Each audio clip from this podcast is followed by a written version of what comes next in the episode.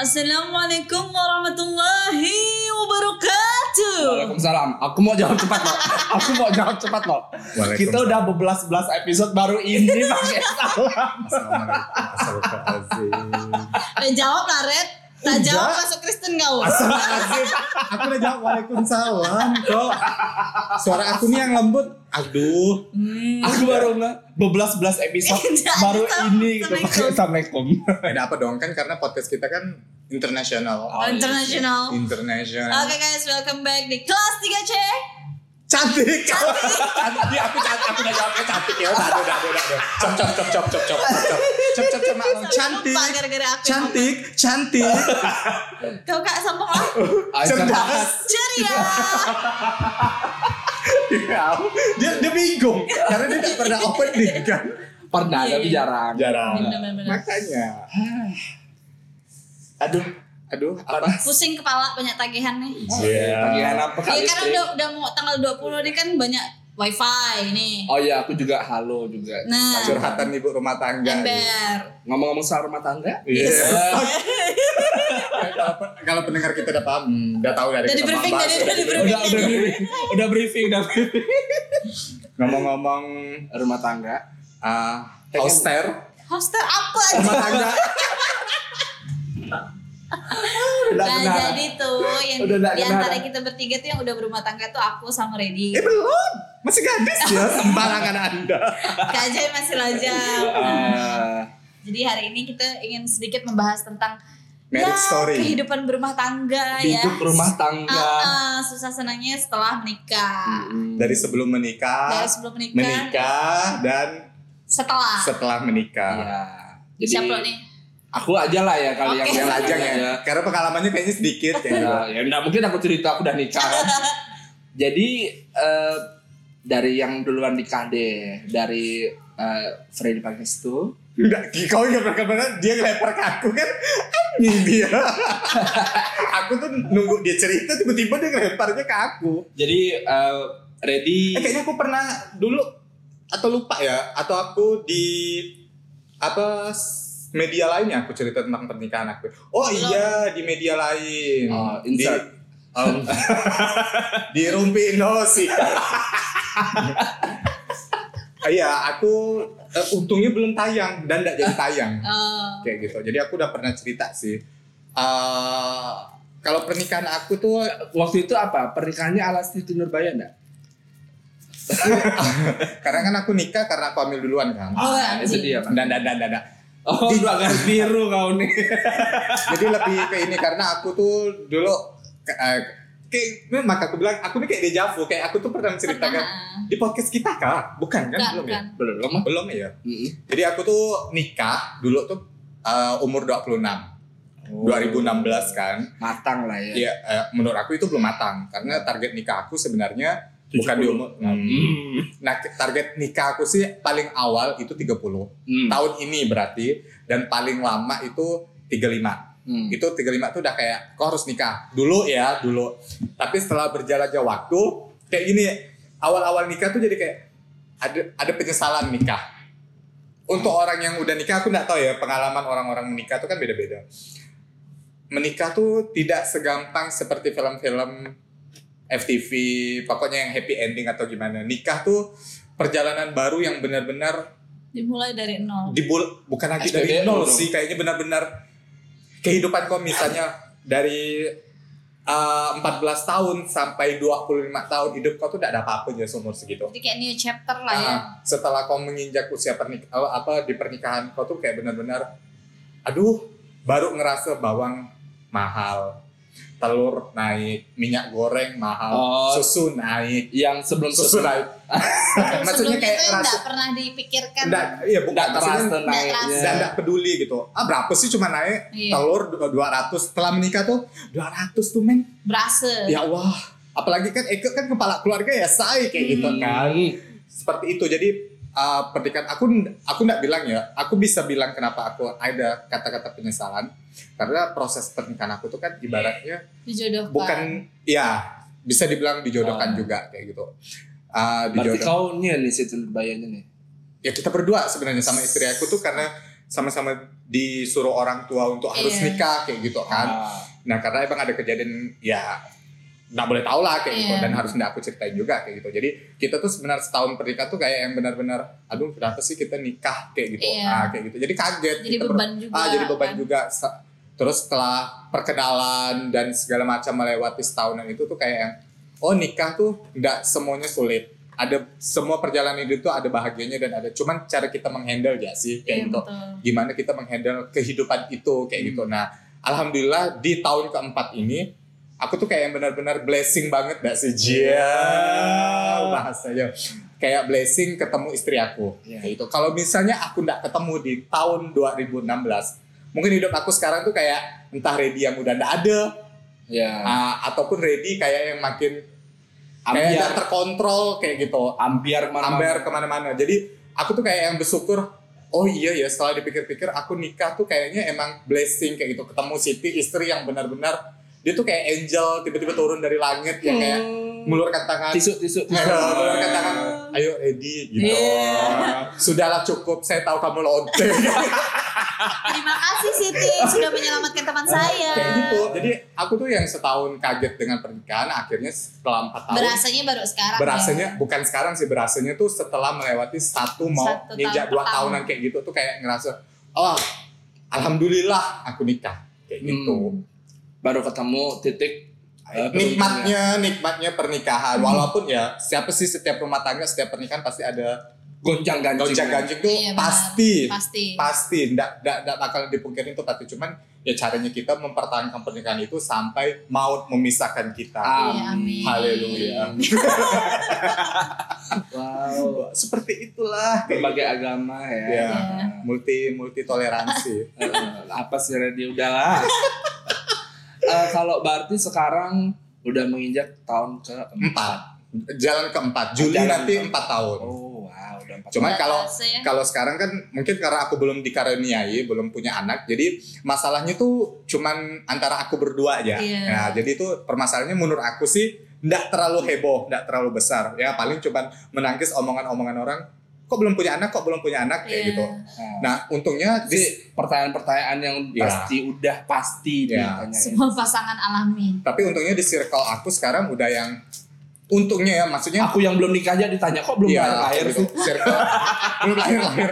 Circle pertemanan aku yang enggak enggak toxic yang kok kok belum punya anak kayak gitu. Iya. Karena mereka juga tahu kondisi kayak gitu. Ya, maksudnya kau uh, beruntung sekali di dikelilingi teman-teman yang Hmm, kayak gitu. paham luar dalam luar luar aja sih dalam nggak tahu lah ya. Hmm, kayak gitu. Jadi ya syukurnya itu kayak gitu. Cuman yang menangkis ya masalah paling kok Ya, omongan-omongan orang. omongan-omongan ya. orang sama ya karena aku juga kebetulan masih tinggal sama orang tua kan. Jadi ya you know lah yang ngerasa tinggal masih sama tinggal mertua ataupun orang tua pasti tahu lah gimana rasanya tinggal sama orang tua pas Ya. menikah itu kayak gimana rasanya sebenarnya emang nggak nyaman kayak gitu kita mau berantem pun nggak enak dengar omongan-omongan mertua pun juga nggak Ya. enak kan Iya. Gil, kayak gitu Terus kalau yang untuk pasangan yang udah tinggal sendiri, cie. Cie. dan punya babies ya Harvey Eh. Harvey Kalau aku sih yang pertama mau sharing soal resepsi ya. oh ya, Nah, ya. jadi tuh uh, Untuk gang dia, Wak.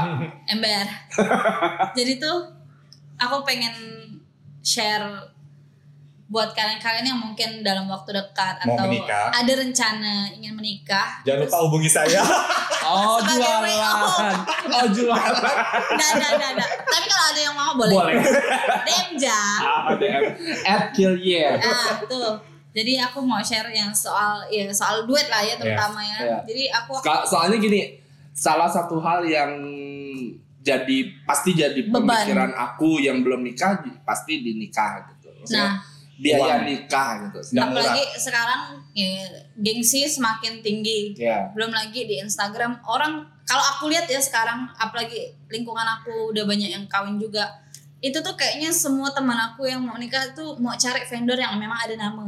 Hmm. Jadi ketika mereka post di Instagram kayak wardrobe by, foto by, Iya, kan? MUA by. jadi kayak Jadi ngasih tuh makan follower dia enggak sih Nah, Bukan, jadi tuh ada yang sampai disindir ini nikah untuk Instagram. Nah, Ya, bener. iya, Jadi kayak kayak untuk, untuk untuk caption doang biar biar kayak orang tuh lihat oh anjir dia nikah pakai MUA si ini pakai MC ini Ah. ada band ini kayak Nah, gitu. Oh, mahal nih mahal nih. Walau dekor macam istana. Ah. setelah pernikahan Hmm, bayar hutang, bayar Hmm. kreditan. Untungnya aku nggak ngerasain itu sih.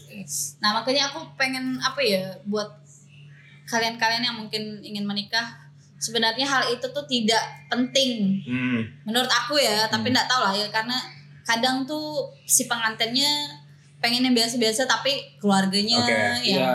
super mewah apa segala macam Ya, tapi kalau misalnya keluarga yang biayain nggak masalah sih kan sebenarnya. Iya sih, tapi itu kan jadi beban orang tua juga. Maksudnya kasihan bah, daripada orang tua ngabiskan. Kalau aku lah ya, daripada orang Mending DP misalnya kan- nih, DP emak aku, PTN jalan ya. bapak aku kaya apa segala macam, kasih duit 500 juta, itu kan bisa buat beli rumah pak, cash Ber. lagi, Ber, iya kan? bisa cash ya, Wak. Nah, Bisa. Ikut bisa 36 tiga ratus lima puluh juta ya aku udah dapat. Tipe berapa tuh? 36 sama Ah. motor satu. Ah, lebih-lebih sedikit dapat lah buat DP mobil. Bisa Ah, lah. Mewah ada hidup kau habis nikah kan? Ah, Bisa lah pasang story ya setir mobil kan? Iya, Ah. walaupun Avanza. Aila, Aila. ya cuy, yang penting mobil cuy. Nah makanya Oh ini jangan ngolok ya Fikri. Enggak kok aku enggak Jadi aku kemarin waktu eh, rapat soal pernikahan aku nih aku memang udah tegas sama orang tua aku jadi kayak aku cuma punya duit sekian nih aku ndak mau berutang aku ndak mau setelah nikah menanggung utang aku ndak mau tahu kata aku bilang aku cuma punya sekian. Dan aku ndak akan nambah kata aku bilang. Kalaupun ada aku ndak akan nambah kata aku bilang. Sampai akhirnya ya namun gak aku anak perempuan satu-satunya paling tua pula kan. Hmm. jadi tuh kayak belum apa sih istilahnya kalau adat orang Melayu tuh belum pernah nurunkan penganten lah istilahnya. Jadi tuh orang tua aku tuh pengen yang agak Heboh. heboh. Nah tapi aku berkeras. Memang kalaupun ada duitnya pun aku nggak mau nambah. Jadi itu tuh terasa sekali saat setelah bukan setelah yang berbulan-bulan setelah resepsi ya resepsi dekor semua dibongkar ya tuh. Aku langsung balik kontrakan aku besoknya aku langsung belanja bulanan. Kau bayangkan kalau misalnya duit semua dihabiskan buat ke situ Iya, besoknya aku mau ngapa gitu kan? Ah. apalagi Masa- kayak aku sama Remo kerjanya juga freelance. Masa dua-duanya kan bukan ubi di kantoran. belakang rumah nah untuk kan nggak dimakan. mungkin maka aku tuh yang kayak Nanam cabe. nah kayak aku tuh langsung yang kayak oh iya benar juga nih tapi kad- kadang dia balik lagi ke keuangan masing-masing Iya. kita sih Kita Kayak- juga nggak bisa ngikutin cara kau juga sih. nah Cil. Tapi nggak ada salahnya juga sebenarnya mengikuti sesuai lah budget. iya Jangan Dan aku dipaksain. juga sering eh, dapat klien weddingan yang memang dari keluarganya istilahnya duitnya ngepres nih Hmm, terus bayar dipaksakan, bayar WO juga ngepres nih dipaksakan di tapi PCC ketika pula. ketika udah mau weddingnya running nih ada aja nih yang kayak minta tambahan inilah tambahan itulah tapi dengan yang low budget. Nah Man itu tuh yang, yang nah makanya jadi aku tuh eh eh, alhamdulillah sekali lah kemarin tuh ndak ada menanggung hutang setelah pernikahan. Alhamdulillah. Nah, cuman yang menjadi eh, apa sih gejolak rumah tangga aku tuh ya memang kata orang tuh lima tahun pertama pernikahan itu kan yang terberat Iya. katanya. Dan itu tuh aku rasakan ya setelah setelah satu tahun pertama kemarin lah. Aku udah setahun ya kira. udah Oke. udah setahun lebih dah. Jadi pas anak aku lahir eh, anak aku kuning. Hmm, nah itu posisinya tuh saat bulan puasa. Iya iya. dan aku sama Remo tuh kayak belum ada tabungan yang cukup. Untungnya waktu itu memang ada megang duit.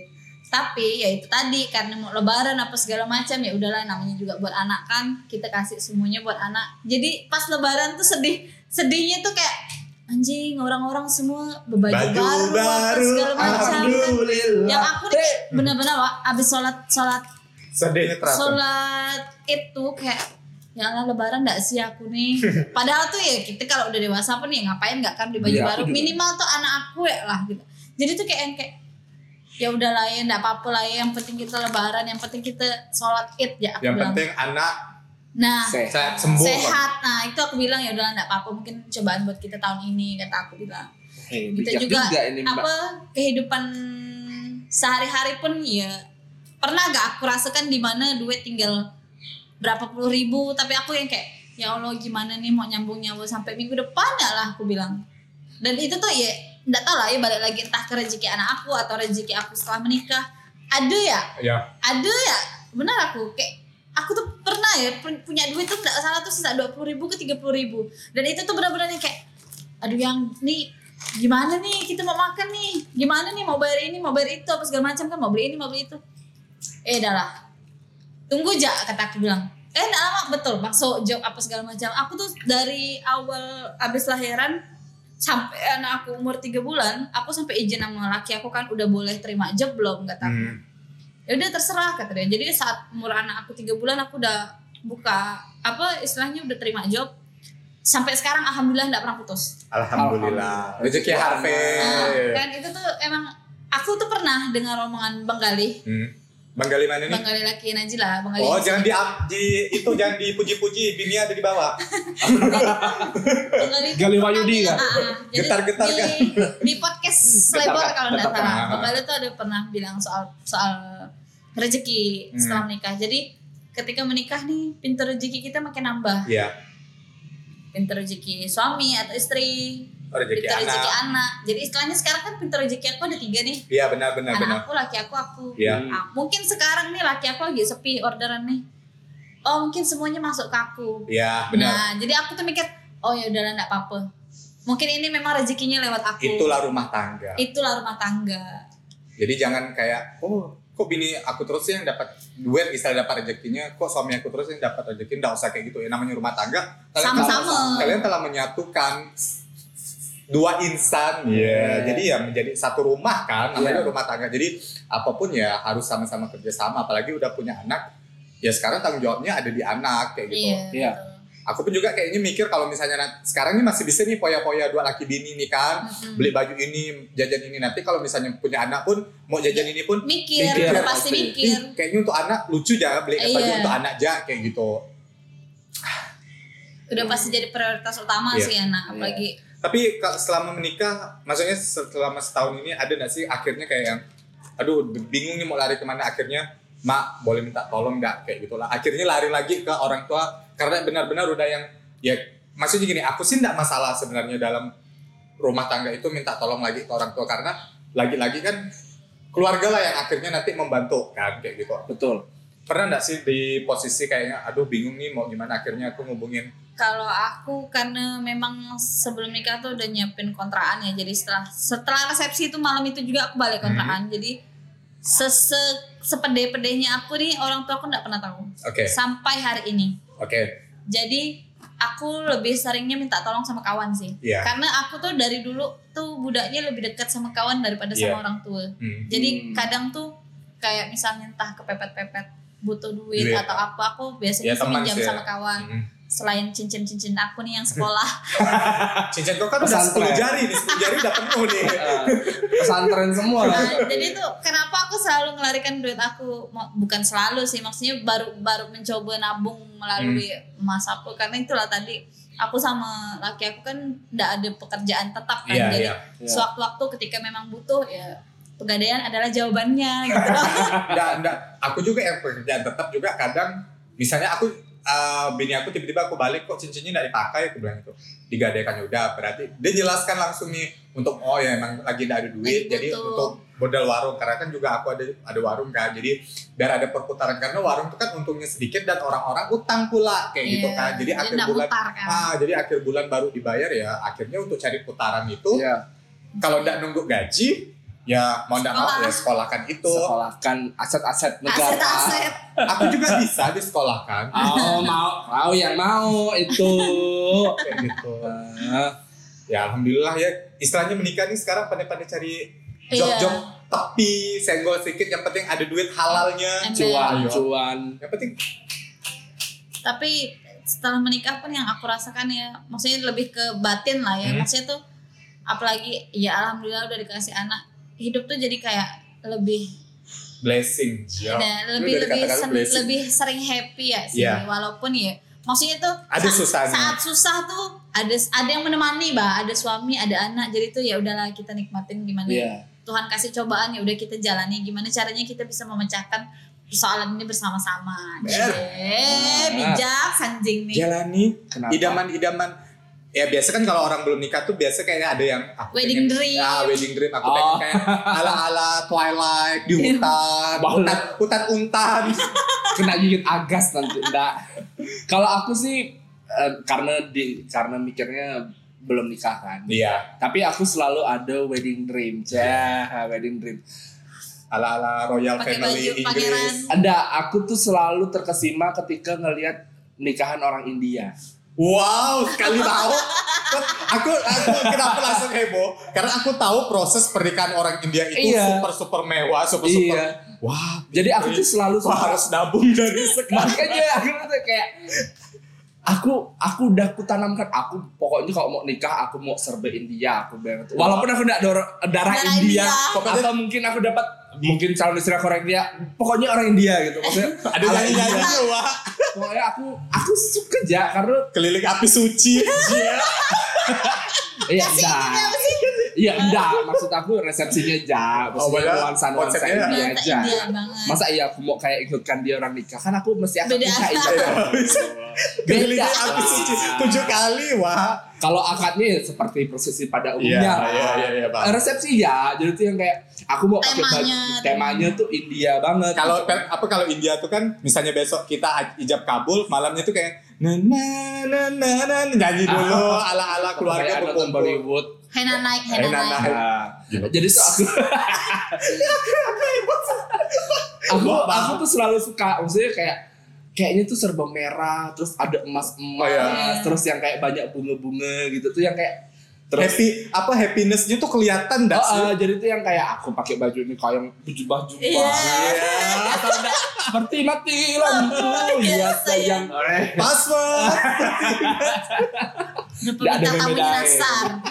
jadi aku aku tuh dari dulu aku tidak pernah berubah apa wedding dream aku tuh pasti kepengenannya kayak India. India. orang India gitu Bollywood, ala- Bollywood. Enggak, aku aku punya banyak kawan. Aku nanya wedding dreamnya tuh yang pasti ala ala konsep simple, minimalis, Plastik. ala ala pantai, ala ala tepi-tepi. aku nggak mau sama aku, Sekali tiba-tiba dia bilang wedding dreamnya ala ala India, wah kaget wah. aku tuh udah dari dulu sebenarnya dari, dari lama dari aku kuliah kali oh kayaknya seru kali ya padahal aku juga nggak terlalu suka India. Maksudnya Ya, kalau tuh benar-benar pernikahannya tuh kayaknya seru gitu. keren. Kalau benar-benar terjadi, aku bisa bayangkan betapa repotnya, betapa capeknya. aku aku pokoknya udah pasti pakai eci lah dah. Kalau wedding tuh udah pasti eci dah. Aku udah Ci aku mau ini. Udah udah kan mandala yang nari nanti. Ah, Boleh ya. di podcast nggak nampak kok nari Iya. Orang bisa membayangkan kok. oh ya pokoknya dari cacak cacak di nari ya Karena aku tuh kan istilahnya uh, gambaran pemuda-pemuda Pontianak bom seksnya. oh. Jadi kalau misalnya lagi horny bayanginnya ready. Hmm. Secara Tapi itu sih ya, maksudnya ya namanya wedding dream kan kepengenannya diwujudkan gitu. Nah, ya realita versus kejat Tapi kan ekspektasi. ekspe- eh, ekspektasinya kan seperti itu. Realitanya. Ah. Tapi kalau tidak ada kemungkinan ada rezeki. Iya, iya makanya maksudnya eh, balik lagi ke persoalan eh, prosesi nikah gitu kan. Maksudnya eh, ada yang ada yang memang benar-benar kaya sehingga tapi bisa lah tercapai. Eh, maksudnya ada yang biasa benar-benar kaya ya nikahnya wow benar tuh ya wajar kan karena juga dia punya Iya. kan. terus aku ada juga yang memang benar-benar kaya sekali tapi nikahnya cuma di KUA Iya. Eh, kayak aku tuh waktu itu amazed sama siapa Suhai Salim ya. Suara makan dulu kak telan dulu kak. Kira Rahel Fannya Enggak, Suhai Salim tuh Oh, dia benar-benar nikah pakai Kau ah ke KUA dan pakai ya? jeans, pakai kemeja doang, Ah, terus foto. bener-bener, ya dan foto kadang kan orang kayak walaupun aku pergi ke mall Iya. benar-benar aku Walau pergi ke kadang kan ada orang yang nikah di KUA tapi dia tetap pakai baju Tetap dandan. nikah kan, tetap dandan. Dan dia tuh cuma pakai kemeja, Oh, ya, pakai jeans, aku pernah lihat. terus cuma pakai kerudung diselempangin, pakai kerudung nggak sih pakai yang di di di gitu aja ah, karena cuma diselit aku apa sih dililit gitu aja. terus dia kayak mungkin itu kayak life achievement bagi dia Iya. karena dia bilang Di saat semua orang enggak dia kayak kan, akhirnya terwujud juga ke nikah cuma di KUA Hmm. dan pakai jeans kata dia Dan itu gretong kan? enggak hmm, bayar di KUA iya nggak bayar. Tidak bayar. Dan mungkin setelah itu dia bayar baru- grat itu parkir Nah ada, ada bayar biaya administrasi cuma berapa gitu lupa. Ya, Iya, maksudnya tapi- berarti dia setelah itu mungkin dia punya planning kenapa dia hanya KUA ya karena mungkin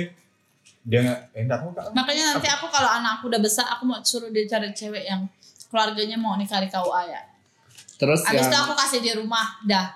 Amin. ada juga senior aku SMA sekarang mungkin teman-teman tahu Bernard Batubara Oh Ah, iya. dia penulis dia juga nikahnya di KUA dan nggak tahu sih mungkin kalau keluarga ini sih tahu tapi aku Itu yang Benz Bara bukan Benz sih? Bara. Yang kemarin kasusan. eh jangan kita bahas kasusnya kan kita bahas marriage-nya ya sekila ini ya? Heeh. Soalnya masih hot wah di Twitter. Emang soalnya aku eh, dan nanti nanti ya nanti ya nanti ya kita suka kayak gini buat buat listener apa yang dibahas budak-budak setelah setelah recording Jadi podcast. Bang Bang Bernard tuh dia tiba-tiba aja nikah gitu. Bukan tiba-tiba sih. Aku juga baru tahu ya.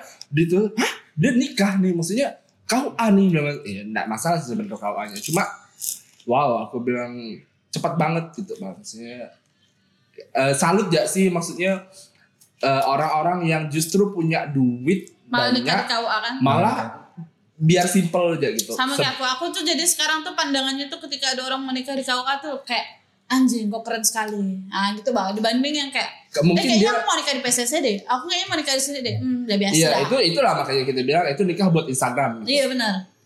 Eh, makanya aku balik lagi ketika "Hmm, nggak profesional deh, nggak di silent deh lupa HP-nya. lupa di silent saya maaf saya maaf saya Aduh. kan freelancer Oh iya. Nggak.